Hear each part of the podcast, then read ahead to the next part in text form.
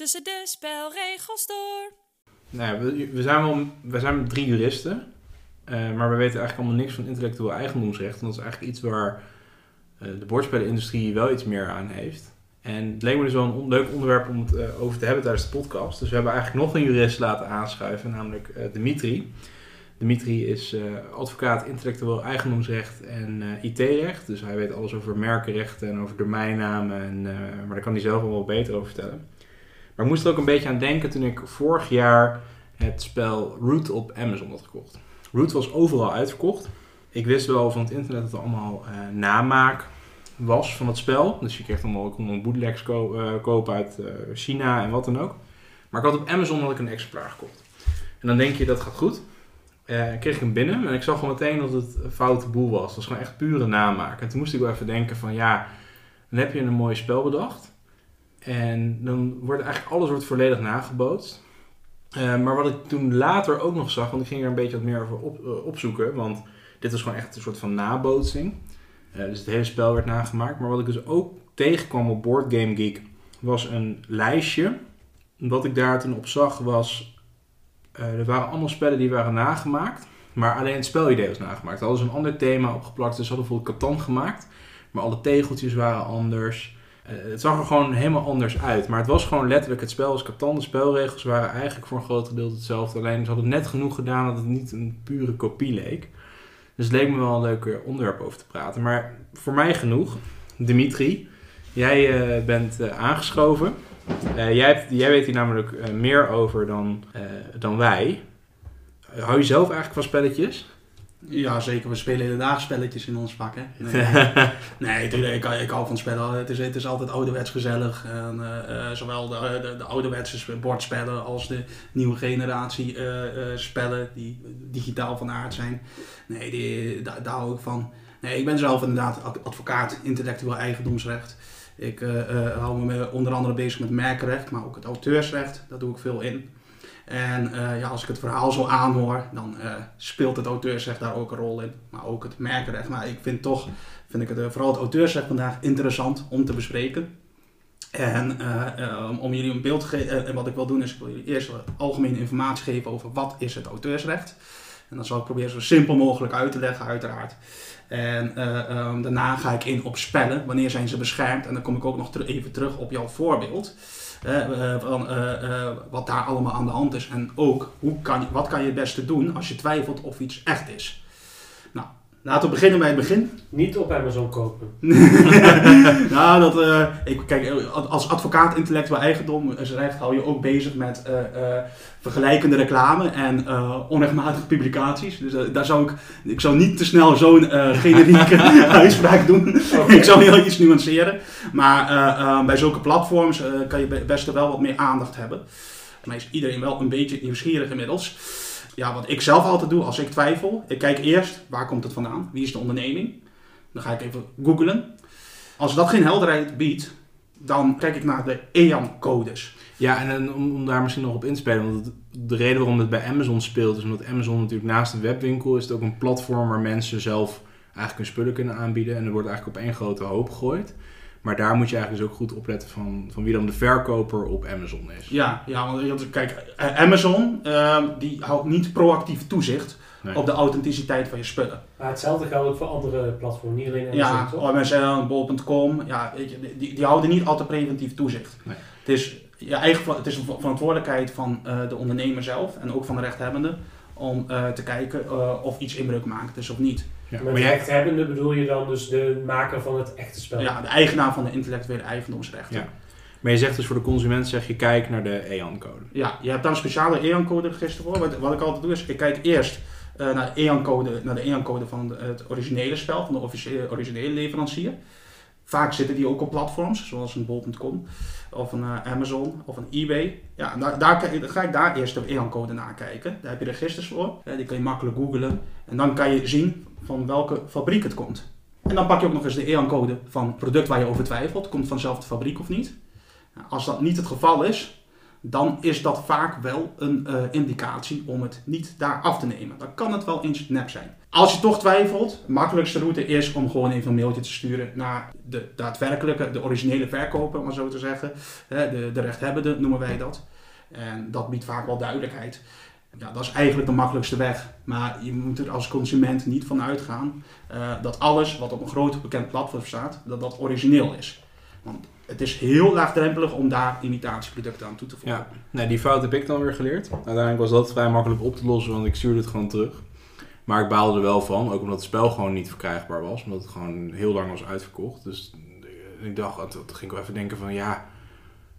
eh, Die kan het ook wel heel makkelijk namaken. Want je moest wel echt goed kijken om te zien dat het, dat nep was. Uiteindelijk zag je wel dat het nep was. Maar je moest wel een beetje goed kijken. Je moest wel echt een beetje aan de kaartjes gaan zitten. En dan merkte je van oké, dit is niet de kwaliteit dat ik van dit bedrijf gewend ben. Eh, maar dat is eigenlijk wel weer gek. Eh, maar wat kun je als bedrijf daar bijvoorbeeld tegen doen? Stel je voor, zij hebben inbreuk gemaakt op jouw intellectueel eigendomsrecht. Ze hebben letterlijk je illustraties overgenomen. Ze hebben je spelregels overgenomen. Ja, als het inbreuk is, ehm, ja, dat, hoe, hoe, kan ik dat het beste uitleggen? Kijk, het is al, allereerst is de vraag, hè, waar komt het vandaan? Eh, komt het bijvoorbeeld uit China? Ja, dan moet je in China procederen, wil je, wil je hier tegen optreden. Ook als dat verkocht wordt op Amazon Ja. Nederland. Ja, dan kijk, uiteindelijk moet je de rechthebbende aanpakken, of de rechthebbende vermeende inbreuk maken, moet je aanpakken. Ja. Kijk, als het bijvoorbeeld uit China komt, eh, wat je dan kan doen is het bij de douane laten tegenhouden en het laten vernietigen. Alleen ja, dat, dat, dat kost je geld. Hè? Je moet ook advocaatkosten bijvoorbeeld maken. En dan, eh, eh, ja, die En, kosten... en, in China gaan ze gewoon dan door met het produceren van uh, Ja, ja, ja ik, kijk, ik weet natuurlijk niet hoe het Chinees recht zit, maar uit ervaring weet ik dat klanten het heel lastig vinden om in, de, in China zelf op te treden. Dus die pakken het aan via de douane. Zit de betreffende verkoper, de inbreukmaker, in Nederland, ja, dan kan je daar civiele acties tegen instellen. Dan kan je daar gewoon tegen optreden. En civiele acties, dan doe je mee, dan ga je naar de rechter toe. Dan ga je naar de rechter inderdaad. Eh, Je gaat naar de rechter en als het inbreuk is, uh, want dat is het bijzondere aan het uh, intellectueel eigendomsrecht, uh, dan heb je recht op de volledige proceskostenvergoeding. Uh, dat heb je normaal gesproken niet in rechtszaken. Hier wel, maar daar zitten ook grenzen op. De, de, rechter die, die geeft een bepaalde categorie. Die zegt bijvoorbeeld dit is een simpel geschil, eenvoudig. Uh, of het is een normaal geschil, dan kan je gewoon max 15.000 terug. Dan komen, er zijn nog ook andere vorderingen. Uh, schadevergoeding. waar bestaat die uit? Winstafdracht. Of je, dan moet je kiezen, of winstafdracht, of je gaat je gederfde inkomsten berekenen. Ja, vaak kies je gewoon wat het hoogste uitkomt. Ja, je hebt ook andere schadeposten, hè? afbreuk aan excessiviteit uh, bijvoorbeeld. Maar Emotionele schade, want iemand heeft toch mijn idee gehad. Ja, dat komt helaas niet voor, in, vergoeding in aanmerking in Nederland. Ja, jammer. maar wat wel heel heftig is, is uh, je kan je voorraad laten vernietigen. Of ja, de, de voorraad van de inbreukmaker. Mm -hmm. En als het auteursrecht inbreuk is, dan kan je die voorraad ook zelfs als je eigendom opeisen. Nou, uh, voor de rest heb je de uh, andere aanspraak, zoals je kan een rectificatie vorderen. Je kan ook uh, vorderen dat hij alle informatie over de leverancier geeft. zodat je ook de bron kan aanpakken. Precies, zodat je er als het ware achter de bron, achter de bron aan kunt. Ja, ja. Dus ook van die, van, die hebben natuurlijk heel veel... Het is heel populair geworden om te dropshippen. Heel veel mensen die zien dat, die hebben dat als onderneming, dat zij gewoon spullen uit China laten overvliegen naar uh, mensen in Nederland en dan spreken zij als een soort tussenpersonen op. Zij staan op bol.com in een platform, maar eigenlijk moeten die dus ook een beetje oppassen met wat zij uh, gaan importeren ja. en verkopen, want zij kunnen dus eigenlijk ook worden aangesproken. Ja, ja. Kijk, want je moet zelf, want dat, dat is heel vaak een reden die ik hoor bij inbreukmakers. Ja, ik wist het niet en het was niet opzettelijk bedoeld. Nee. Ja, dat, uh, dat is heel begrijpelijk, hè? Uh, maar de wet kijkt er niet zo naar. De wet die zegt eigenlijk, uh, uh, of ja, dat vloeit voort uit de rechtspraak, maar ik kort het even af als de wet. Ja. De wet vindt dat jij een eigen verantwoordelijkheid hebt. Jij als ondernemer moet zelf achterhalen, maak je inbreuk of niet. En je kan het niet toch gewoon gaan doen en dan achteraf zeggen, sorry, het was niet de bedoeling. Nee, maar je moet... Ja, maar het is hetzelfde als ik uh, tegen de politie zou zeggen, ja, ik heb het wetboek van strafrecht nooit gelezen, dus dat ik die winkel beroofd heb, ik wist niet dat ja, ik wist niet dat dat niet mocht. Ja, dat, uh, ja dan weet je precies hoe dit op mij elke keer overkomt als je zoiets hoort. Ja, maar het is natuurlijk ook zo van, die spellen die, dat kost, nou, neem dan Root als voorbeeld, omdat ik daarmee begon.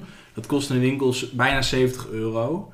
Uh, de marges die winkels daarop maken is over het algemeen niet vrij groot. Productiekosten zijn ook niet per se laag van alle individuele onderdelen. Dan moet jij ook als zo'n importerende partij je alarmbellen wel gaan rinkelen als jij eh, het kan verkopen uiteindelijk voor 30 euro en daar nog steeds een marge op kan maken. Dan moet je eigenlijk wel een beetje achter je oren gaan krabben en denken van ja, dit is, eh, dit is niet helemaal kosher. Het is dit te project. mooi om waar te zijn. Ja. Ja. Wat dat meestal is. Als het te mooi is om waar te zijn, dan is dat het vaak ook. En dat is natuurlijk ook voor de consument zo, dat als jij iets ziet op het internet dat wel heel goedkoop is, voor een product dat wat meer is, dan... Zoals Root op Amazon, of Zoals- dat daar geen... Ja, ik heb er 50 euro voor betaald, dus daar was even nog een beetje over twijfelen. Ja, inderdaad. Ja, Ja. maar in ieder geval als het te mooi, waar is, eh, eh, te mooi is om waar te zijn, dan eh, kun je maar beter even laten schieten die aanbieding. Wat ik ook vaak zie is ehm, dat die inbreukmakers, die, eh, eh, die krijgen dan van een Chinese leverancier te horen, nee, nee, dit mag gewoon. En die vertrouwen daarop. Maar ehm, vaak is het niet altijd waar wat die eh, Chinese leveranciers zeggen. Want die willen gewoon natuurlijk een product verkopen. En vaak is het ook zo van, zij kunnen vaak het echte product inderdaad verkopen, maar dat is dan een soort schaduwfabrikage die ze dan hebben. Dus dat ze overdag van de oorspronkelijke producteigenaar het product maken. En dan s'avonds laten ze de fabriek nogmaals draaien met iets goedkopere eh, grondstoffen om hetzelfde product te maken. Maar dat is een, gebeurt, gebeurt dat echt? Ja, Komt- de oorspronkelijke producent er dan niet, de oorspronkelijke maker daar dan niet achter? Ja, dat is, eh, het is heel lastig om ermee om te gaan. Maar als je bijvoorbeeld sites zoals AliExpress, vaak zijn, zijn die nabootsingen heel goed. Bijvoorbeeld eh, Burago, eh, modelautootjes, die worden gewoon geproduceerd in, in China. En de, de nabootsing is bijna exact hetzelfde. En het komt ook eigenlijk uit dezelfde fabriek vaak. En ja, dat is aan de ene kant dat een risico dat je loopt. Omdat je denkt, je wil voor het land gaan met de goedkoopste productie. Eh, maar dat betekent dus ook dat je dit risico loopt. Maar je ziet wel dat bijvoorbeeld in de bordspelindustrie steeds meer wordt weer in Europa geproduceerd. Dus in Duitsland, in Hongarije, in Maar, Polen. maar dit is toch niet een exclusief probleem voor China, neem ik aan? Dit kan toch ook in de EU gebeuren? Ja. Of is dat anders Ja, nee, absoluut. Ik denk dat het ook hier eh, Ja, gebeurt. Ik zie het vooral, ik, ik wil niet iedereen over één kam scheren, maar vooral eh uit de hoek van Hongarije en Polen. Eh, daar zie ik veel eh, inbreukproducten vandaan komen. Dat is wat jij in de praktijk ziet. Ja. Ja, die, die zijn vrij recent, relatief recent, Ja. toegetreden tot de EU. En die moeten nog even wennen aan, eh, ze- aan de nieuwe regels. Ja. Mhm. Maar eh, eh, alleen omdat je het hebt verkocht, eh, dat kreeg ik ook vaak als reden te horen. Ja, ik heb het wel gekocht bij iemand, eh, ja, dat is gewoon een winkel in de Europese Unie. En die zegt dat, die de, dat dit origineel is. Dan mag ik daar ook toch op vertrouwen? Nee, je moet altijd zelf onderzoek doen. Ja. Want jij hangt uiteindelijk. De inbreuk, de rechthebbende kan naar jou toekomen, bij jou al zijn schade ver- vergoed krijgen. En eh, ja, je kan hooguit, kan je wel je schade verhalen op je leverancier. Maar ja, Met dan, jou bedoel je dus de spellenwinkel om de hoek? eh, ja, nee, de, de, de, de inbreukmaker. De inbreukmaker. Dus als jij een inbreukmakend product hebt gekocht Mhm. en eh, eh, de rechthebbende komt achter jou aan, dan, kan je wel de mogelijkheid hebben om achter je leverancier aan te gaan. Want je zegt dan, hé, jij hebt mij een product verkocht wat niet origineel was. En hierdoor heb ik schade. Alleen dan moet je wel geluk hebben dat die, dat die leverancier in een land zit waar je kan optreden. Mhm. Want als het in de Europese Unie is, dan, dan heb je nog redelijk geluk eh, als ze vindbaar zijn. Maar buiten de Europese Unie, ja, dan wordt het heel lastig daartegen op te treden. Want, want heb jij dan als advocaat intellectueel eigendom ook wel eens dan buiten de EU eh, moeten eh, procederen? Of doe je dat dan niet? Nee, nee, als advocaat je mag alleen binnen je eigen, binnen je eigen land procederen. Kijk, als, als er iets is in een land waarvan ik denk, hey, daar kunnen we wel tegen optreden. Mm. Maar ik heb daar de bevoegdheid niet. Eh, ehm, ja, denk bijvoorbeeld Amerika. dan ga ik naar een Amerikaanse advocaat, die betrek ik dan mee. En die pakt het verder op.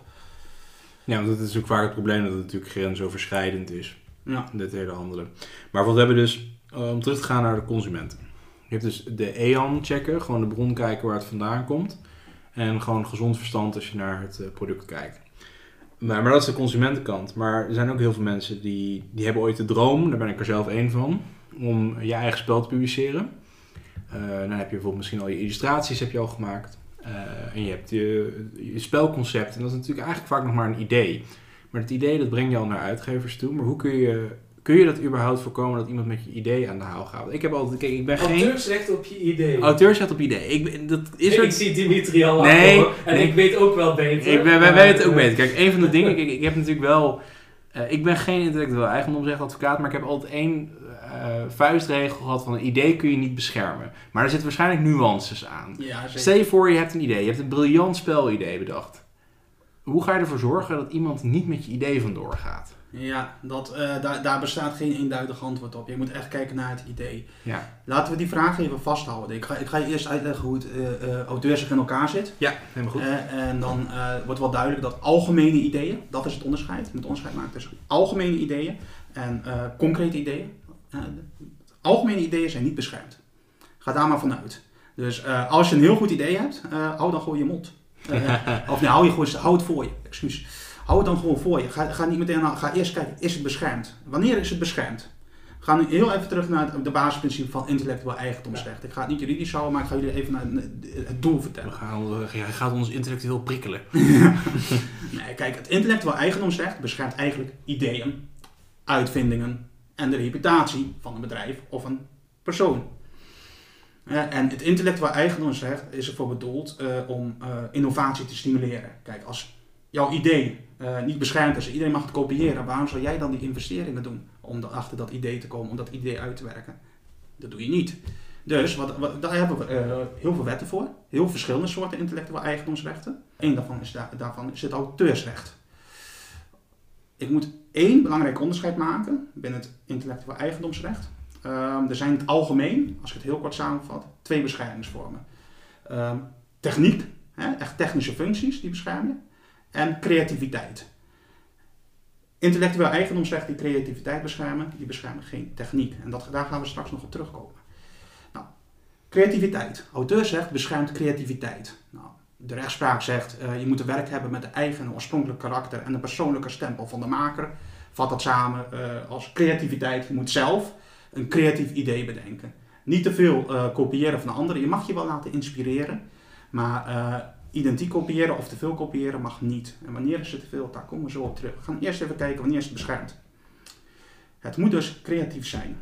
Ehm, of iets creatief is, dan ga je ook kijken naar wat bestaat er al. Hè, eh, maak jij iets wat kort gezegd uniek is, wat iets extra's is, iets wat nog niet bestaat, iets wat eh, niet zo voor de hand liggend is.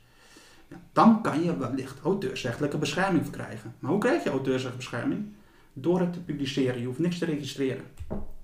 Vanaf het moment van openbaarmaking is het beschermd. De foto die jij op Instagram plaatst. Ja, oh, daar... ja, daar- of niet op in- de foto die je op je eigen website publiceert, Ja. kan ik beter zeggen. Ja. Ja, goed verwoord. ja, inderdaad, heel goed. Ik wou zeggen, gaan we nu de slangenkuil Nee. opentrekken die eh, Facebook's algemene voorwijs Nee, ik, Ja. ik, ik- ik bedacht me ook even. Maar in ieder geval, als je dus, stel je hebt een hele mooie, mooie natuurfoto gemaakt en die publiceer je op eh, www.riksnatuurfoto's.nl. Ja, Dan Dat eh, eh eh, het zijn hele andere natuurfoto's. eh, ander onderwerp graag. nee, kijk. Maar je hebt, je hebt bijvoorbeeld een mooi artikel geschreven of wat dan Ja. ook. Ja. Jij moet, jij moet wijzen tot voor jou is. Maar ja, dan gaan we even weer terug naar creativiteit. hè. Het moet creatief zijn eh, en dan kan het werk beschermd worden. Maar er zijn bepaalde randvoorwaarden. Ik zei net al, techniek wordt niet beschermd. Dus als je iets technisch bedenkt, moet je niet naar het auteursrecht. Heb je Dat- octrooi nodig, toch? Bijvoorbeeld een octrooirecht. Ja. Maar eh, ehm, er zijn ook andere grenzen. Mhm. En, dit, en dan kom ik terug op je vraag, Daan. Ehm, een van de grenzen is, algemene ideeën zijn niet beschermd. Laat ik even een voorbeeld nemen. Ja. Eh, stel, ik zeg eh, tegen jou, eh, ehm, eh, d- laten we even vanuit gaan, er bestaan nog eh, niet zoveel sporten. Ik zeg Ja. tegen jou, hey, laten wij een sport gaan bedenken op een grasveld met een ronde bal. En jij gaat vervolgens Daan, nou, ik wijs naar Daan nu, jij Daan, die gaat denkt volgens, hé, hey, ja, dat is een goed idee. Daan bedenkt het spel voetbal. Ja, ik schrijf het helemaal uit, ik Ja. werk het uit op papier, et cetera. Ja, en dat, eh, eh, dan kan, eh, laten we ervan uitgaan dat het voetbalspel op dat moment auteursrechten beschermd is. Dan is het concreet uitgewerkt. Daans spel is beschermd, maar ik kan er niks tegen doen, want het is een algemeen idee. Ja. Had ik zelf al die lijnen getekend, had ik zelf al de spelregels bedacht. Eh, dan kan, en eh, ik kan het ook bewijzen dat ik dat heb bedacht. Dan kan Daan er niks mee. Eh, ik vind het altijd makkelijker om dit aan de hand van een liedje uit te leggen. Stel, ik heb het idee, hey, Daan, ja, wij, laten wij een liedje gaan maken waarin wij Mark Rutte helemaal de hemel in prijzen. Ja. En dan spelen we op een gitaar. Daan, die gaat vervolgens zelf een liedje bedenken. Die brengt een liedje uit waarin hij Mark Rutte helemaal de hemel in prijst. En die wordt heel succesvol. Ik kan daar niks tegen doen. Het was te algemeen. Maar als ik nou eens de akkoorden al eh, op papier had gezet. Ik had de tekst op papier gezet. En ik had alles helemaal uitgewerkt. Ik heb hem zelfs een keer gespeeld voor Daan. En Daan gaat het dan mee aan de haal. En ik doe exact dat na. Nou, exact hoeft niet eens. Hoeft niet eens. Het, het Oké. moeten, eh, de totaalindrukken moeten op elkaar lijken. Dus een rechter moet het idee krijgen van... hey, Ja. dit lijkt wel heel veel op elkaar. Dit is wel heel toevallig. Ja, want hè, je moet die intellectuele schepping, die moet je her- herkennen. Maar Ja. als Daan vervolgens dan dat idee gaat, eh, met dat idee aan de haal gaat, liedje namaakt, ja, daar kan ik al tegen optreden. Maar als Daan er nog iets anders aan toevoegt, hè, Daan gaat bijvoorbeeld in plaats van Nederlands, dan maakt hij, eh, gaat hij hem in het Duits doen. Ja. En in plaats van een akoestische gitaar gaat hij een elektrische gitaar gebruiken. Dan is mijn intellectuele schepping nog steeds herkenbaar. Want je hebt dezelfde toonhoogtes, dezelfde ritmes. Hè, en eh, ja, ook al is de taal anders, de, de klanken blijven hetzelfde, toonhoogtes blijven Ja. zo. Kan ik nog steeds er tegen optreden. En dat is de totaalindruk waar we over hebben. Ja, maar als ik bijvoorbeeld nog steeds een, een liedje maak over Mark Rutte, maar ik doe het met een doedelzak, hele andere akkoorden en ik doe niet eens een, Ja. een hele andere, ik maak er een rap van met een doedelzak, dan Dan is, kan, dan is het, dan kan ik er niks tegen doen. Nee. Nee, dan, is de, weet je, dan, dan is het een heel ander idee, eh, wat concreet is uitgewerkt. En dan stemmen de totaalindrukken niet overeen. Alleen de algemene excepties, of Ja. de algemene aspecten, namelijk hey, het, gaat- het is een liedje over Mark Rutte, dat stemt overeen en dat is publiek domein. Ja, want dan, dan denkt de rechter dus van, ah ja, nee, het heeft wel hetzelfde onderwerp, maar dat, dat, Ja. dat was het dan. Ja. en om dat dan op spelletjes toe te passen, ik ben met een bluffspel bezig. Mhm. Eh, nou, voordat het naar uitgevers is gestuurd, heb ik de volledige spelregels heb ik al uitgewerkt. Het hele spelidee, er zit een thema op, een sausje. Mhm. Zij kunnen prima een soortgelijk bluffspel verzinnen, maar ze Mhm. kunnen niet mijn concept eigenlijk. Eh, want ik noem het eigenlijk een soort van uitgewerkt Ja. concept, noem ik het vaak. ja, kijk, ik bedoel, als het gewoon een beetje een, een algemeen bluffspel zou zijn, dan zou ik het al wel wat lastiger vinden. Ja, ja, en dan, dan, en dan eh, het woordje concept, dat eh, is juridisch spannend. Ja, Want oeh. het bedrijfsconcept en algemene concepten en stijlen, die zijn Ja. niet beschermd. Spelconcepten heel soms wel, Ja. als ze creatief zijn.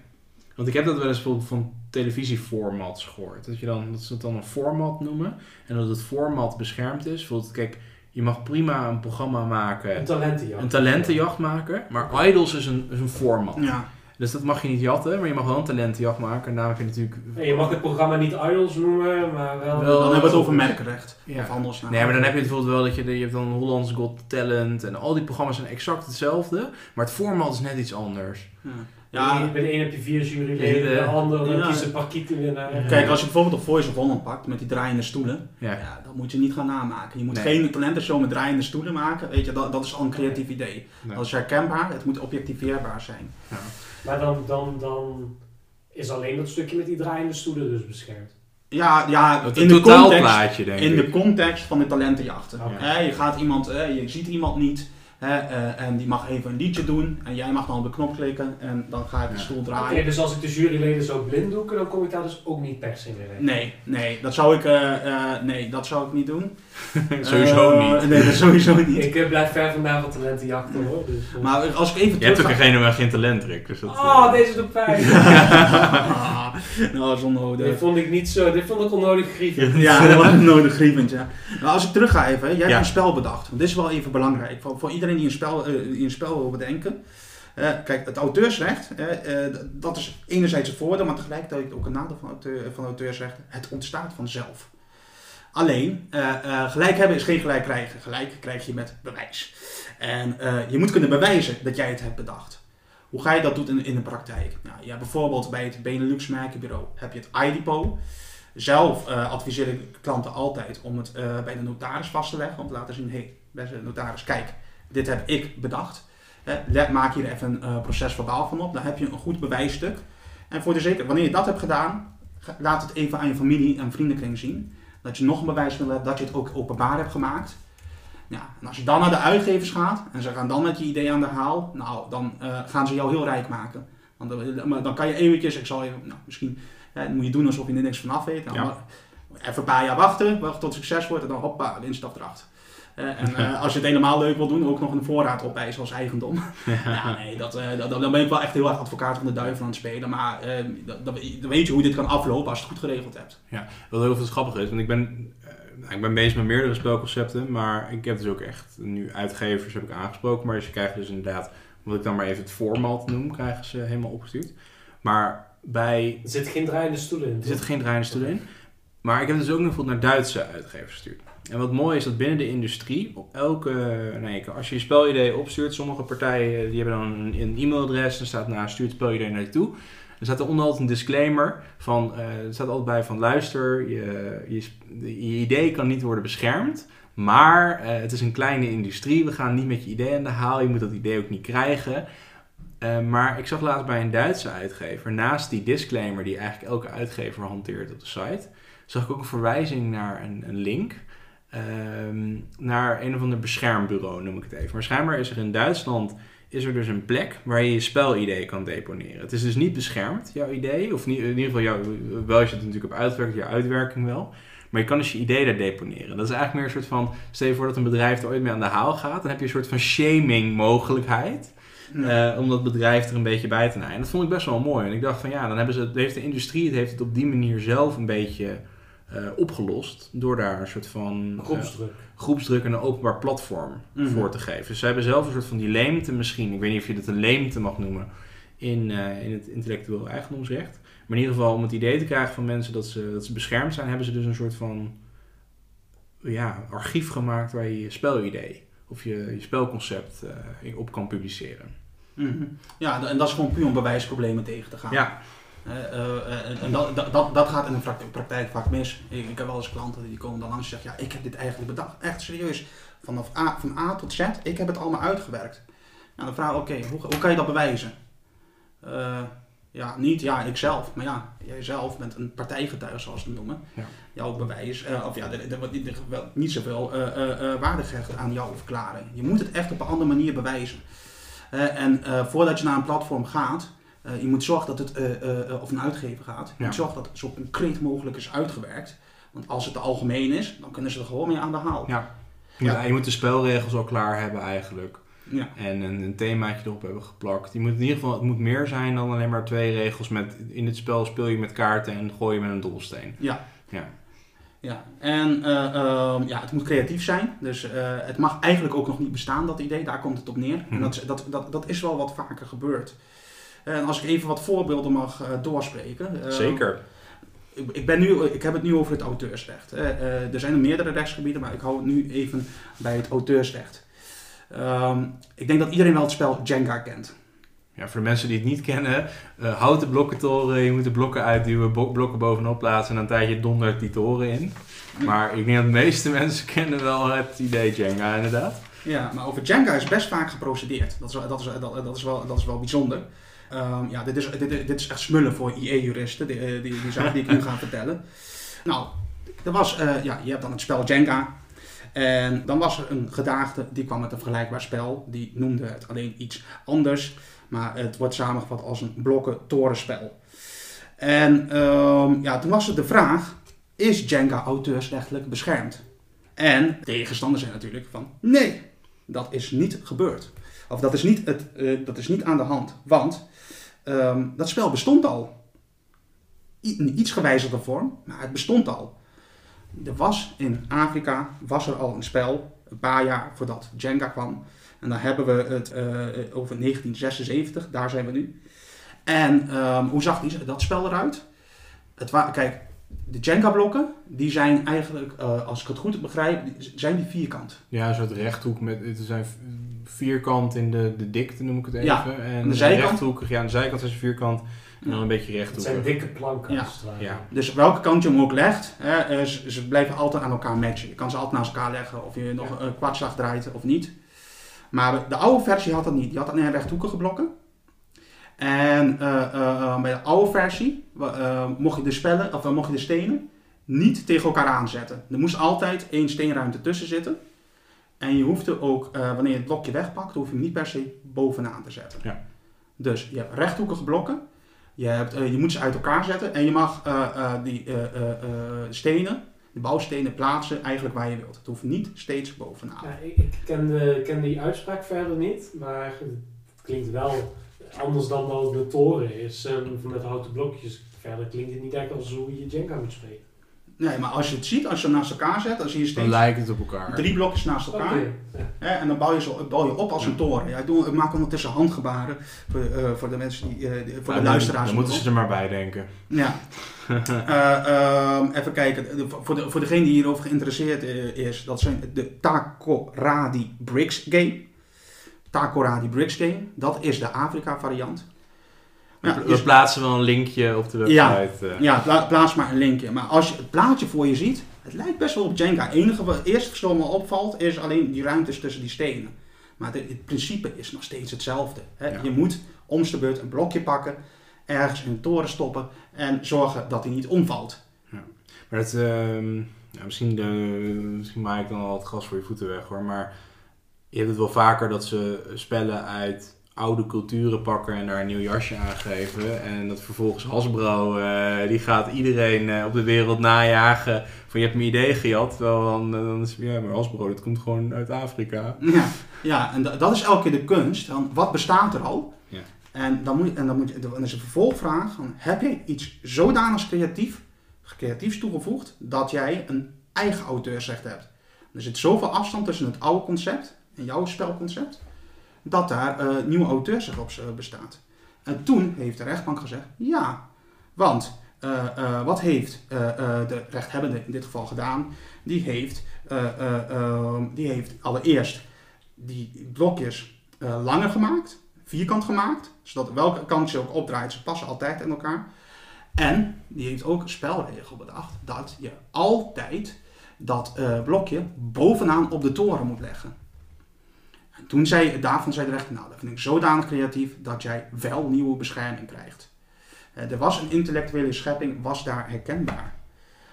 Als we het hebben over het kezenspel, Ja, keespel voor de mensen die luisteren. Keespel lijkt op mensen erg je niet. Alleen in plaats van dat je met dobbelstenen gooit om de pionnen te verplaatsen, moet je speelkaart uit je hand spelen. Ja, en dat principe bestond al in Zwitserland. En daardoor kreeg die rechthebbende geen bescherming. Die zei, ja, maar weet je, Nee. je, je hebt niks niet nieuws creatiefs toegevoegd. Sterker nog, het keespel is volgens mij al heel oud. Dat is volgens mij zelfs een variant ook al toen Franse speelkaarten in India werden geïntroduceerd. Want je hebt namelijk, voor de, voor de luisteraars krijg je een geschiedenislesje. Mensen erg niet is gebaseerd op Pachisi. eh, wat weer een spel uit eh, India is geweest. En eh, nou ja, de, speelkaarten zoals wij ze kennen zijn Franse speelkaarten. Want bijvoorbeeld in Duitsland en in Spanje en in Italië zijn er andere vormen van speelkaarten. Maar wij kennen de Franse speelkaarten. En volgens mij toen die in India werden geïntroduceerd, eh, volgens mij weer via de Engels of zo, toen is er volgens mij ook weer een variant Pachisi geweest met, met speelkaarten. Wat cheesy, cheese, kaas, kees, kezenspel. Wel, misschien. Oh, we hebben een complot ontdekt, denk ik, jongens. Oeh. Oeh. Maar eh, Dimitri, ga alsjeblieft verder. Dus, Ja. het is geen geschiedenisles deze Nee, aflevering. nee, nee maar, maar, maar het grappige is wel, geschiedenis is heel belangrijk in het auteursrecht. Want je moet steeds kijken wat bestond er al en wat kan jij nog toevoegen. Hè, en dat maakt vaak dat je eh, eh, als spelontwikkelaar heel veel bijvoorbeeld aan het googelen bent. Of ja, beter gezegd, gebruik maakt van een zoekmachinedienst. We, maken, eh, we, worden niet gesponsord door Google in deze. Nee, nou, oh, deels. Deel, Google AdSense, maar nee. Maar, maar kijk, het moet wel creatief zijn. Maar als het te algemeen is, dan, eh, eh, dan gaat de rechter je geen bescherming geven. Dat gebeurt er bijvoorbeeld bij het spel Wasgij. Eh Daan, misschien kan jij even het spelprincipe... een Ja, het is, een, het is een puzzel eigenlijk meer. Eh, alleen het spelelement is dat je op de doos zie je een afbeelding. Dan zie je bijvoorbeeld van hoe het in het verleden was. Of dan ziet er iets misgaan. En dan moet je gaan puzzelen. Bijvoorbeeld of je gaat eh, puzzelen in de toekomst. Of je gaat puzzelen vanuit het perspectief van de personage die je op de doos Mhm. ziet. Dus je weet eigenlijk niet wat je aan het puzzelen bent. Dat is een beetje het spelelement erin. Maar eigenlijk is het gewoon een legpuzzel. Zo zal ik het samenvatten. Ja, ja, ja. En dat, eh, ja, toch, eh, daar kwam een zaak over. Want er was iemand anders die zo'n legpuzzel maakte. Namelijk waarbij je twee verschillende situaties hebt. Eén, de verpakking. Eh, en twee, de puzzel die een andere situatie in het leven uit, uitbeelde. Een bepaalde tegenstelling was het. Hè? Bij de Ja. ene ben je vrolijk, bij de ander ben je boos. Of eh, bij de ene ben je jong, bij de ander ben je oud. Ja. Er is een bepaalde tegenstelling, er is een bepaald verschil. En eh, ehm, Jumbo probeerde toen dat principe beschermd te, te krijgen. Die denkt van, niemand mag zo'n spel met dat principe maken. En toen zei de rechter, nee, het is zo algemeen, het ligt zo voor de hand, dat jij gewoon een puzzel hebt met twee verschillende situaties. Hè, en eh, aan de hand van één plaatje moet jij een puzzel maken wat een eh, variant is op dat plaatje. Hij zegt, nou weet je, dat, eh, dat komt al zo vaak voor, dat, dat principe is te algemeen, is niet creatief genoeg om beschermd te krijgen. Dus kreeg Jumbo geen eh, eh, bescherming. Jumbo kreeg wel bescherming voor de concrete uitwerking van het spel. Eh, namelijk eh, het plaatje wat Jumbo eh, gebruikte voor puzzels, dat is wel beschermd. Daar maakt de rechter ook een onderscheid tussen, tussen eh, het spelconcept zelf en de uitwerking van de vormgeving. En da daar, daar, daar had je Jumbo wel bescherming voor, maar niet, die had geen monopolie op puzzels in verschillende situaties. Nou, dan, eh, ehm, ken je misschien het Korpa kaartspel. Nee, Het klinkt als een kaartspel. Het klinkt als een ka- ko- Het is- Corpa-kaart. Nee. Nee, het is, eh, eh, ik ken dit ook niet, moet ik heel eerlijk zeggen. Ik moest, het, eh, ik moest ook gebruik maken van een zoekmachinedienst. Wat is Corpa? Dat is eigenlijk een bingo met kaarten. Daar, als ik het heel kort samenvat. Nou, ehm, Dus als iemand harte aas trekt en ik heb een harte aas op mijn tafel liggen, dan win ik. Ja. Het grappige is dat ik aan het zoeken ben op Corpa kaartspel. En eh, de, de bovenste resultaten zijn waarschijnlijk de uitspraken die je zo meteen gaat Ja. vertellen. ja. maar daar maakte ook de rechter een onderscheid. De rechter zei, ja, bingo bestaat al. Dus dat, is- dat, dat principe, dat concept, dat kan je niet beschermd krijgen. Maar de concrete uitwerking daarvan eh, wel, de concrete vormgeving daarvan wel. En wat gebeurde hier? Eh, de tegenstander, die had ook een soort van bingo kaartspel.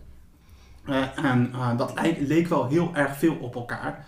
Eh, en toen had er, dan, had er echt zoiets van, ja, de kaarten die jij gebruikt, jouw bingo kaartenspel, dat vind ik wel creatief. Ja. En dan ga ik kijken of die totaal indrukken overeenstemmen. Ja, wat, wat, ook, wat de luisteraar zich misschien ook even moet beseffen is... heel veel kaartspelletjes die jij eh, koopt in de winkel... zijn eigenlijk gewoon al kaartspellen die je kan spelen met een traditioneel stok kaarten. Eh, een slagenspel, noem bijvoorbeeld het Vos in het Bos of eh, de Crew of wat dan ook. De maar, crew kun je in principe, eh, zou je dat voor 90% kunnen doen met een kaartspel. ja, maar ook bijvoorbeeld, eh, je hebt het slagenspel Wizard. Dat is eigenlijk dus gewoon een, een slaagspel dat je gewoon met een, met een stok kaarten kan spelen. En het enige verschil is dat je een volledige uitwerking hebt gedaan van een thema. Kijk, het spelmechanisme kun je misschien wel met gewoon een traditionele stok kaarten doen. En daar is het ook op geïnspireerd. Nou, maar zo'n situatie zou, als ik dus wat Dimitri nu vertelt goed begrijp, dan zou de rechter dus dan wel zeggen van ja, eh, het feit dat je een slagenspel hebt bedacht, eh, dat is dus niet origineel, dus daar doen wij niks mee. Maar het feit dat, dat je het in een eh, ruimtethema hebt gegoten met, met, Met wat met- additionele met, met, met, elementen. met, een extra, met wat extra regeltjes, met wat fiches en zo, dat, dat zou misschien wel beschermd kunnen worden. Ja, heel misschien. Kijk, ik moet het echt voor me zien, maar kijk, Nee, dat, dat, dat ruimtethema, dat vind ik interessant. Ja. Ja, dat dus want dat, dat kan ook iets algemeens zijn. Uh, want, want auteursrecht beschermt, beschermt ook geen stijlen. Dan moet je wel echt een concreet uitgewerkt eh, thema hebben. Mhm. Eh, bijvoorbeeld, ik noem maar even wat, eh, ter plekke verzin ik het. Eh, je maakt alleen maar gebruik van ruimteaardse wezens die eruit zien als gemuteerde vissen. Eh, eh, nou, Leuk daar- thema. ja, en als iemand anders dan een variant op die vissen gaat maken, ze net iets anders uit, uit laat zien. uh, het, uh, de intellectuele schepping blijft wel herkenbaar. Want je hebt een, een bepaald setting neergezet met hele boze vissen. Of ja, buitenaardse gemiteerde vissen. Ja, en dan uh, maakt iemand anders daar een variant van op. En dan is die taalindruk wel herkenbaar. Dan is auteursrecht toch maar een lastige puzzel. hè? Ja, ja, dat is het ook. Bijna een wasschijpuzzel. Ja, maar wat je eigenlijk altijd aan het doen bent, je bent altijd aan het googlen en dan kijk je wat bestond er al. Ja. Maar stel je voor, mag ik het eigenlijk eh, want zo samenvatten dat als stel je voor je loopt de markt op en je houdt twee producten omhoog en de persoon die je aanspreekt op de markt die zegt van ja dat lijkt wel heel veel op elkaar. Heb je dan een beetje, gel- is het dan een beetje geluk? Nee, nee, want eh, ehm, kijk, of iets op elkaar lijkt, dat, eh, dat is echt een subjectieve mening. Kijk, je moet Ja. altijd eerst kijken, is het beschermd of niet? Ja. Kijk, als iets al tot het publieke domein behoort, hè, ik noem wel even wat, een stoel op vier poten. Ja. Hè, en als jij twee stoelen laat zien op vier poten, dan kan iemand dan zeggen, ja, lijkt wel op elkaar, allebei vier poten. Maar dat behoort al bij het publiek domein, daar mag iedereen gebruik van maken. Ja. Eh, dus die, die vraag kan ik niet in zijn algemeenheid beantwoorden. Ik moet, het, maar het is wel even interessant, het onderwerp wat je aansnijdt. Hè, want dan heb je het over... Daarom deed ik het misschien ook. Wow, dit lijkt al van tevoren afgezet. nee, kijk, kijk want hè, je hebt enerzijds de vraag, is het beschermd en ben jij eh, rechthebbende? Dat is de vervolgvraag. Hè, mag jij, eh, eh, heb je aansluiting beschermingsomvang? En daar hebben we straks nog wel een leuk verhaaltje over. Hè, daar hebben we die vraag. Maar stel je, je hebt die hobbels gepasseerd. Hè, je weet gewoon, oké, het is beschermd, het is van mij en eh, van niemand anders. De vervolgvraag is, wanneer is sprake van inbreuk? Nou, het auteursrecht werkt met het totaal indrukkencriterium. En dit is iets wat je wel, waar je vaak wel echt onware mythes over hoort, echt onwaarheden over hoort. Dat er bijvoorbeeld een eh, regel is dat eh, als je minimaal vijf of zeven verschillen toevoegt, dat je het mag kopiëren. Eh, nee, dat is niet het geval. Je kijkt echt elke keer naar de totaalindrukken. Het betekent, een totaalindruk betekent, het hoeft niet exact op elkaar te lijken, maar als eh, bij de totaalindrukken overeenstemmen, hè, het, het Als, als het geheel op elkaar lijkt. het geheel lijkt op elkaar, hè, het is ook herkenbaar, dan kan je daartegen optreden. Hè, en dat, dan kunnen zelfs de grootste aanwezige verschillen kunnen nog steeds maken dat sprake is van inbreuk. En dan wordt het, het wordt nog, we gaan nog een stapje verder. Want als het te veel op elkaar lijkt, dan ben je nog niet in het auteursrecht. je moet ook bewijzen, dat is het uitgangspunt, dat er sprake is van ontlening. Iemand heeft het aan jou ontleend. Hè, je bent er niet zomaar doordat die producten op elkaar lijken. Het is alleen, dan wordt het een klein beetje juridisch. Er geldt een vermoeden. Als zij te veel op elkaar lijken, dan word je geacht te hebben ontleend. En dan moet jij als inbreukmaker bewijzen dat jij het helemaal zelf hebt bedacht. Dus dan ben je eigenlijk schuldig totdat je het tegendeel bewijst. Ja, dat is het. En daarom, als jij iets schept, is het ook belangrijk het hele creatieproces vast te leggen. Ja. dat, dat is ook bijvoorbeeld de reden dat je ziet dat artiesten alles opnemen. Alle opnames van hun opnames, hè, liedjesopnames, nemen ze op om te laten zien, kijk, dit is hoe we het hebben bedacht. En dat is voor jezelf ook handig. Hou een logboek bij, zorg dat het herleidbaar is. Hè, in die zin dat je kan zien op welke dag heb jij iets bedacht en waar put jij inspiratie uit. Gewoon, eh, gewoon, al, gewoon elke keer je spelregels opnieuw naar iemand eh, toe mailen. ja, gewoon blijven Of naar mailen. jezelf mailen. Of naar jezelf mailen. Ja, ja inderdaad. eh, naar jezelf mailen of eh, eh, eh, ehm, ja, op notaris is toch het veiligst. Want eh, je kan altijd nog technische discussies krijgen of jij eh, eh, het niet iets gefabriceerd hebt. Hè? Ja. Dat je computer zodanig hebt aangepast dat de data zijn veranderd.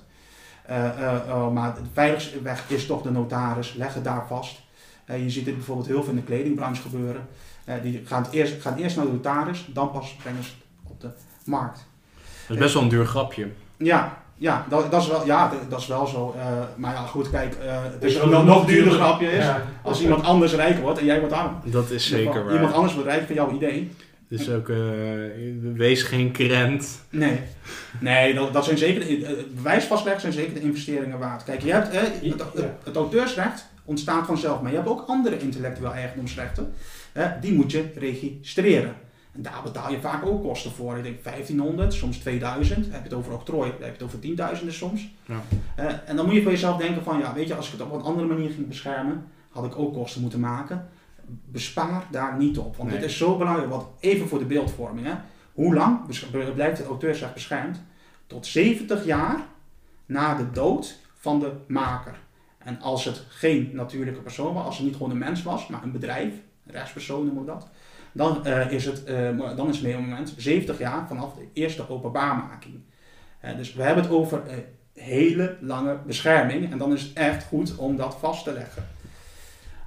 Dan wordt Is het niet zo? Ik heb wel eens Indianenverhalen gelezen over dat eh, de Walt Disney lobby eh, die termijnen steeds probeert op te schuiven. Klopt dat? Dat, dat Mickey Mouse eh, beschermd blijft. Ja, dat, dat, dat, dat is, dan hebben we het over, over iets ander rechtsgebied. Eh, Mickey Mouse is inderdaad als merk eh, eh, geregistreerd. Maar, toen, maar daarvoor was natuurlijk dat je de Steamboat Willie, die film had je.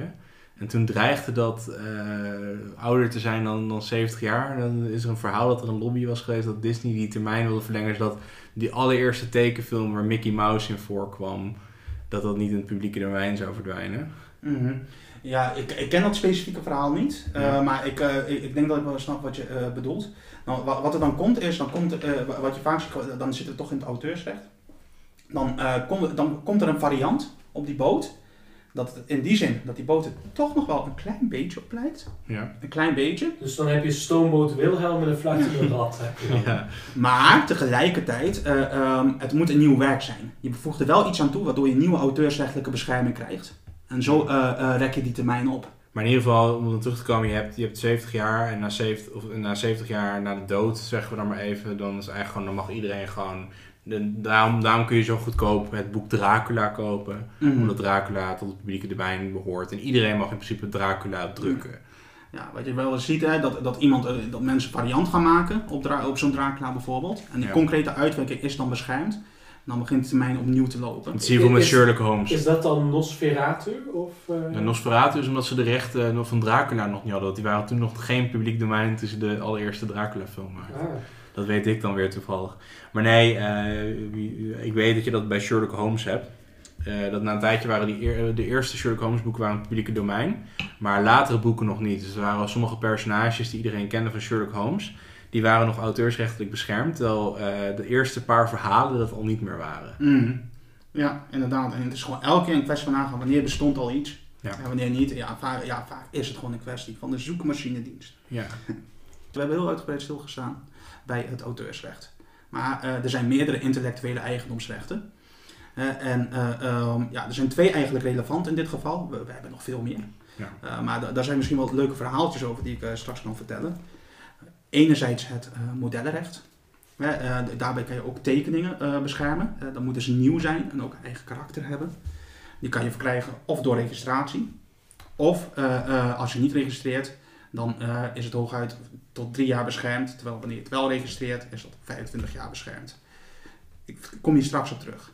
Soms zit jij in een geval waarin jij geen bescherming meer hebt. Jouw bescherming is verlopen. Of kan het niet beschermen, je bent te laat met, eh, eh, met het te beschermen. Hè, bijvoorbeeld een modelrecht. Onder hele bijzondere omstandigheden kan je dan toch soms nog die bescherming krijgen. Ik neem even als voorbeeld eh, het Lego-blokje. We noemen dit de slaafse nabootsingsleer. Dat is geen intellectueel eigendomsrecht. Dat houdt dus ook in dat je geen recht hebt op een volledige proceskostenveroordeling. De slaafse nabootsing, is dat dan gewoon iets onder het kopieerapparaat leggen? Of, eh? Ja, ja je mag eh, eh, niet nodeloos, onnodig verwarringsgevaar wekken. En dat geldt echt alleen voor unieke producten. Echt uniek. En eh, juridisch noemen we dat, het moet een eigen gezicht op de markt hebben. Je moet je aanmerkelijk onderscheiden. Je moet daar echt bekendheid mee hebben opgebouwd. En het publiek mag niet in de war raken met andere producten. Ja. Nou, we hebben het over Lego. Lego was al heel lang op de markt. En eh, eh, Lego had ooit een octrooi op het concept van hey, blokjes kan je op elkaar stapelen en dan blijven ze op vastzitten. Dat was verlopen. Ja, en nu dan? Nou, merkrechtelijke bescherming kregen ze niet. Want een merk kan je tot aan het einde der tijden blijven verlengen als het onderscheid is. Maar het was te technisch. Dat kreeg, dat, kreeg Lego niet. Oké, eh, ehm, auteursrecht was het ook al te laat voor. En auteursrecht beschermt ook geen techniek. Eh, en eh, de Slaafse nabootsleer beschermt ook geen techniek. Het gaat echt om de vormgeving. Nou, daar bleef voor Lego alleen de Slaafse nabootsleer over. En, eh, ehm, ja, en dan komt de rechter in heel lastig vaarwater. Want ja, iedereen vindt Lego wel uniek. Dit is een naam. Het, het is gewoon een cultuur. Het, is, het is gewoon een onderdeel van je jeugd. En eh, ja, het voelt niet goed om iedereen dit zomaar klakkeloos te mogen laten namaken. Er moet wel iets van Lego blijven. Maar aan de andere kant, het intellectueel eigendomsrecht is ook voor bedoeld om op een gegeven moment iets prijs te geven wanneer je daarvoor voldoende bescherming hebt gehad. Nou, de rechter die zit echt in een heel lastig spagaat. Wat ga ik doen? Nou, wat heeft de rechter gedaan? Hij koos eh, eh, voor iets wat wij eh, noemen, wat wij aanduiden als de standaardisatiebehoefte. Kijk, je hebt ooit die bescherming gehad en nu moet je maar accepteren dat anderen het krijgen. Maar we willen jou toch nog wel iets bijzonders geven.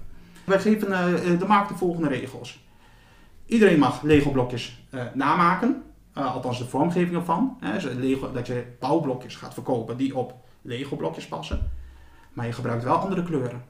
Je gebruikt niet die kleuren van, van Lego.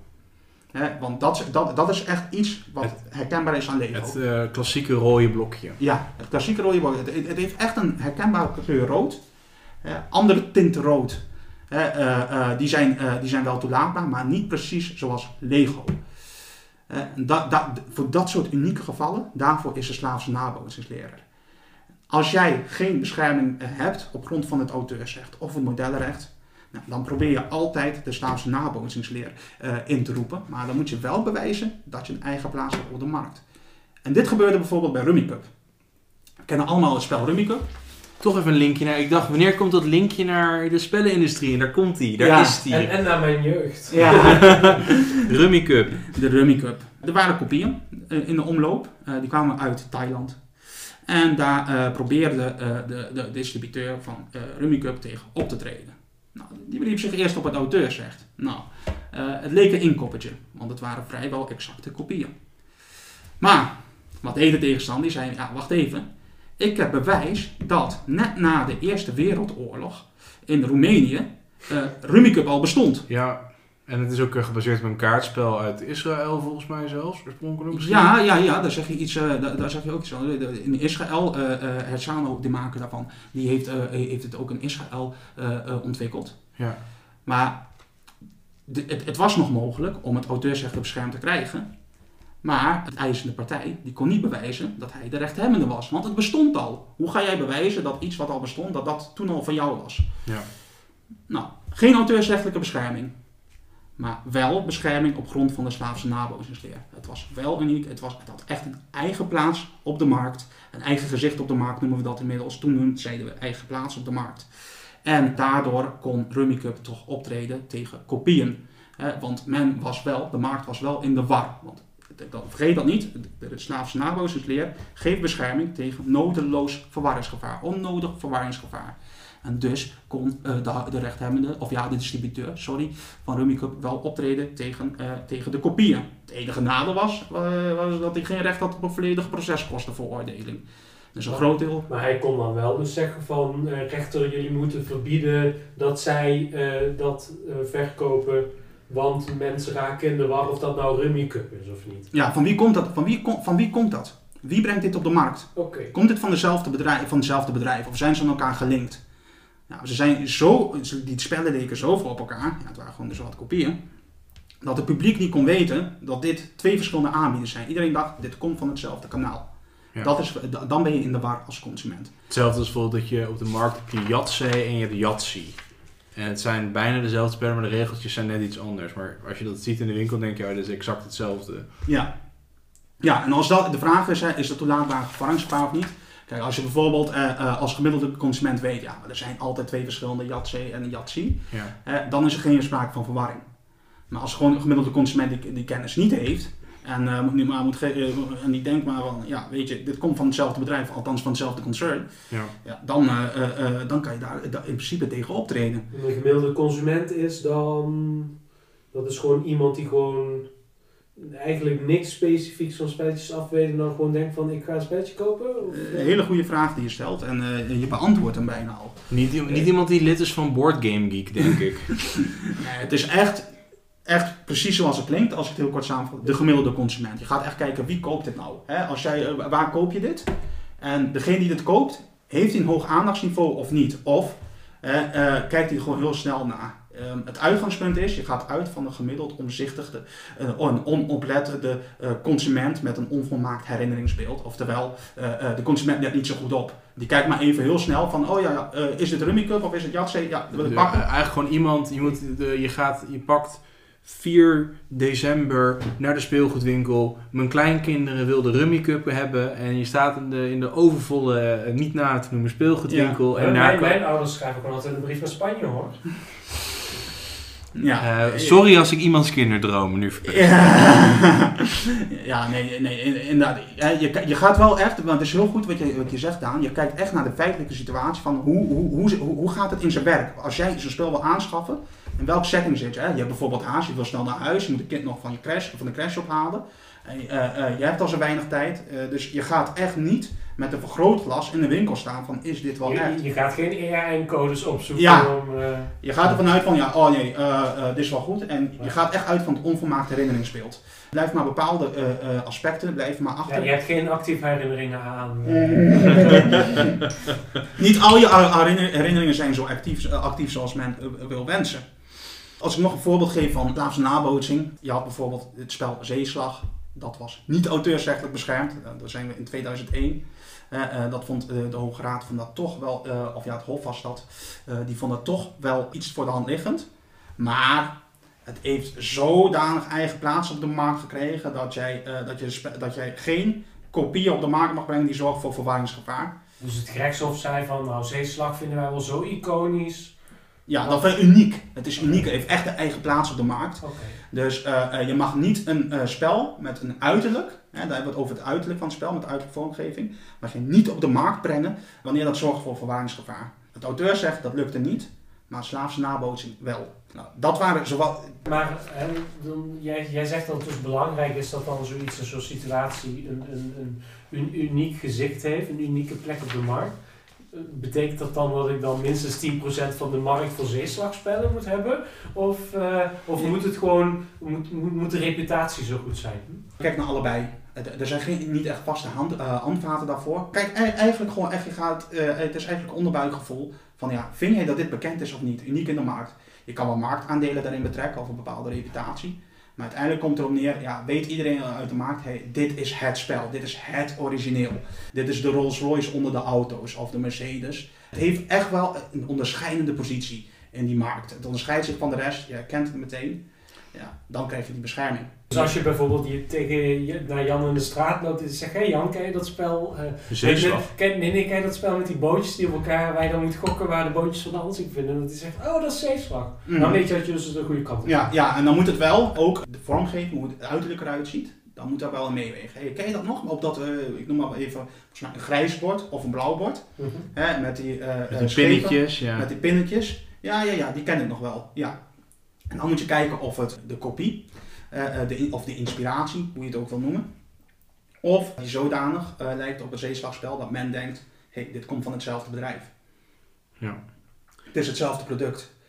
Eh, ik, ik heb het modellenrecht eh, eh, eh, eh, nog een beetje achterwege gelaten en daar ga ik ook niet te veel aandacht aan, aan wijden, maar ik, ik moet dit voor de volledigheid vertellen. Want soms komen spellen niet uit de Europese Unie. Ze komen ergens anders vandaan. Ze komen daar buiten vandaan. Mhm. Dan hebben we bepaalde internationale verdragen die daar ook wat van vinden. En dan is Amerika een hele eh, bijzondere. En eh, eh, als het te technisch wordt, hou me alsjeblieft tegen. Maar ik moet dit voor de volledigheid doen. Knip ik het er gewoon uit. Ja, dan knip je het er gewoon uit. Nee, en, kijk, er is een verdrag dat zegt, als in het land van oorsprong, dan noemen we de Berne Conventie trouwens, artikel 2 lid 7, het reciprociteitsbeginsel. Ik, ik noem het de afspraak die de VS met de rest van de wereld heeft. Ja, ja, ja, he- heeft een soort van had. Als in het land van oorsprong het werk eh, beschermd eh, is eh, door, als model, daar komt het om neer, dan kan jij in jouw land, hè, in de Europese Unie, kan je hem ook alleen als model beschermd krijgen. Hè, als ze niet auteursrechtelijk, nee, ik moet het andersom zeggen, als ze niet auteursrechtelijk beschermd is in het land van oorsprong, maar wel via een ander rechtsgebied, eh, eh, zoals modellenrecht, dan kan je geen auteursrechtelijke bescherming krijgen in Nederland of de rest van de EU. Oftewel, je kunt het niet allebei krijgen. Ja, ja dat, dat is het eigenlijk. Amerika, daar was tot eind 2017, daar bestond de regel dat bepaalde werken van toegepaste kunst niet auteursrechtelijk beschermd zijn. Ze zijn alleen als model beschermd. En Even een herinnering, een modelrecht is maximaal 25 jaar beschermd als je hem registreert. Doe je dat niet, dan is hij maximaal 3 jaar beschermd.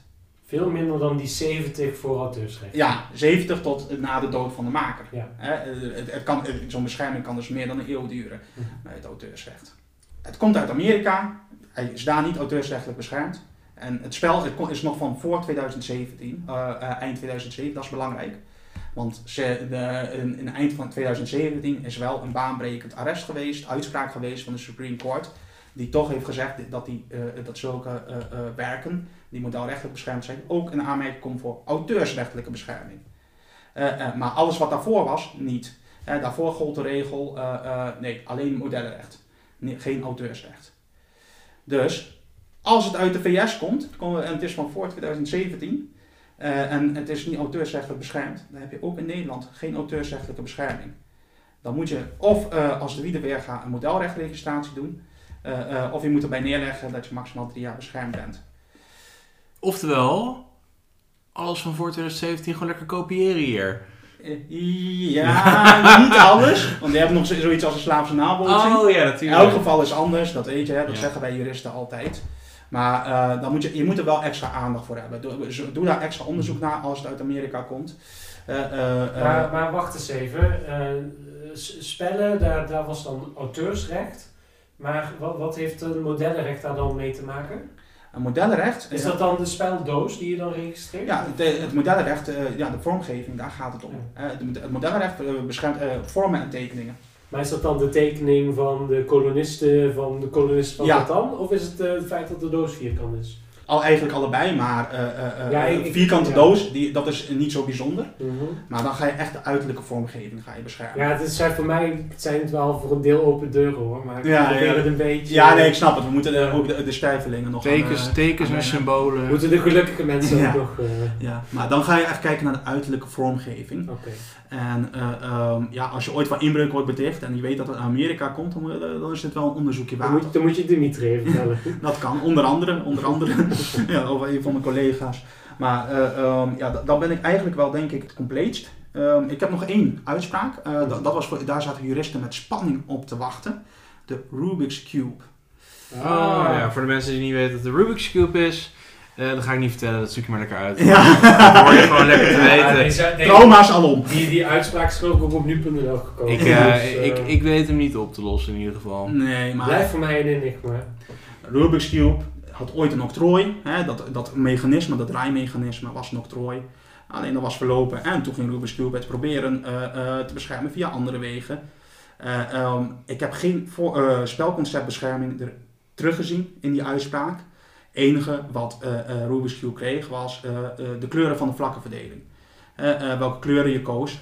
Die combinatie, die kleurencombinatie, die is beschermd. Dus als je een Rubik's Cube, als je wil laten inspireren door Rubik's Cube, je gaat het niet exact namaken, moet je eigenlijk nooit doen. Maar als jij een, eh, een draaiende, draaiend mechanisme maakt met een wat andere vormgeving, andere kleuren, dan, dan kan je ermee wegkomen. Dus als ik een piramidevormige k- kubus maak, nou geen kubus dus, maar als ik, als, ik een, als ik een piramide zou maken met allemaal gekleurde vakjes en die kun je dan ook zo draaien, dan, eh, dan kan ik er dus mee wegkomen? Dat is wat je zegt? Of, eh? Ja, mits je niet dezelfde kleurencombinaties gebruikt Oké. als eh, die van Rubik's Cube. En je gebruikt allemaal grijs tinten. Ja, de grij- 50 tinten grijze, ja, hoe, hoe- hoeveel je er ook wil hebben, die kan je dan best gebruiken. Maar eh, eh, de Rubik's Cube die is toch wel beschermd. En het eh, eh, eh, interessante aan deze uitspraak is, die, die- lopen al zo lang, die zijn al zo vaak heen en weer naar het Hof en de Hoge Raad geweest. En nu is het toch eindelijk echt duidelijkheid. En eh, ja, je ziet gewoon dat de aanhouden wint. Geduld is een schone zaak. Dus eh, ze hebben verloren met Wasgaai, maar Jumbo heeft een opstekertje gehad met de Rubik's Cube. Ja, ik, ik- ik weet niet of dit van Jumbo is, eh, de Eh, Rubik's Cube. volgens mij zijn zij de distributeur in, in Europa, dacht ik. Dat zou best kunnen, maar volgens mij, eh, volgens mij ging het via Rubik's Cube zelf uiteindelijk. Ah, die, die, ja. die procedeert dan zelf. Maar als dat dan tien keer op en neer gaat van Hoge Raad naar het gerechtshof, weer naar de Hoge Raad en dan terug naar het gerechtshof, dan wordt er dus wel aardig goed geboerd bij de proceskosten. Ja, ja inderdaad. Eh, eh, er zijn heel wat monden gevoed eh, in de advocatuur eh, eh, door deze zaken. Eh, maar nee, dat, dat, dat, is wel, eh, dat is wel een duur grapje, ja. Ja. Eh, en eh, eh, ja, je, moet ook bedenken, al- als het geen intellectueel eigendomsrecht, maar de slaafs- en naboonsleer was, en dat was helemaal duur grapje. Dat ik even een rekensommetje maken voor de luisteraars. Eh, ehm, kijk, verbeter mij alsjeblieft, beste medejuristen, als ik de plank flink misla met deze berekening. Maar over het algemeen, hè, stel je gaat de procedure starten. Je hebt een normaal handelsgeschil. Iemand krijgt nog geld, je krijgt nog geld van iemand. Eh, eh, ehm, je gaat naar een advocaat toe. Die advocaat kost geld. Gemiddelde procedure, laten we even 15.000 euro nemen.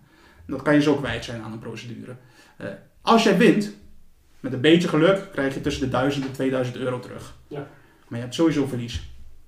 Hè, dus eh, eh, eh, als er geen volledige proceskostveroordeling is, dan moet je wel even van tevoren. Ja, bij, bij normale zaken is het zo, dan als je de zaak wint, dan krijg je een paar duizend euro, maar je bent het veelvoudig, heb je al uitgegeven om überhaupt de zaak te starten. Precies. Maar bij het intellectueel eigendomsrecht kan jij je volledige proceskosten terugkrijgen. Daar zijn ook bepaalde maatstaven voor, maar er is altijd de opening om alles terug te krijgen. Ja, en je moet, moet je even zo zien. Stel jij start een procedure, eh, eh, eh, ehm, heb je 15.000 euro aan eigen advocaatkosten. En als je verliest, dan moet jij ook nog de advocaatkosten van de tegenstander betalen. Ook Oh, dan 15. zou ik het wel weten. Dan had ik de duurste advocaat inschakelen. en dan, eh, Ja, en juist daarom hebben de rechters een begrenzing bedacht. Die, Ah. eh, die hebben een reglement die zeggen, ja, we gaan wel uit van categorieën, eh, bepaalde categorieën. Als het een simpel geschil is, krijg je, eenvoudig geschil is, krijg je maximaal bijvoorbeeld 8000 euro terug. En is het een normaal geschil, nou, maximaal 17.500. Is het complex, dan zit je tegen de 40.000.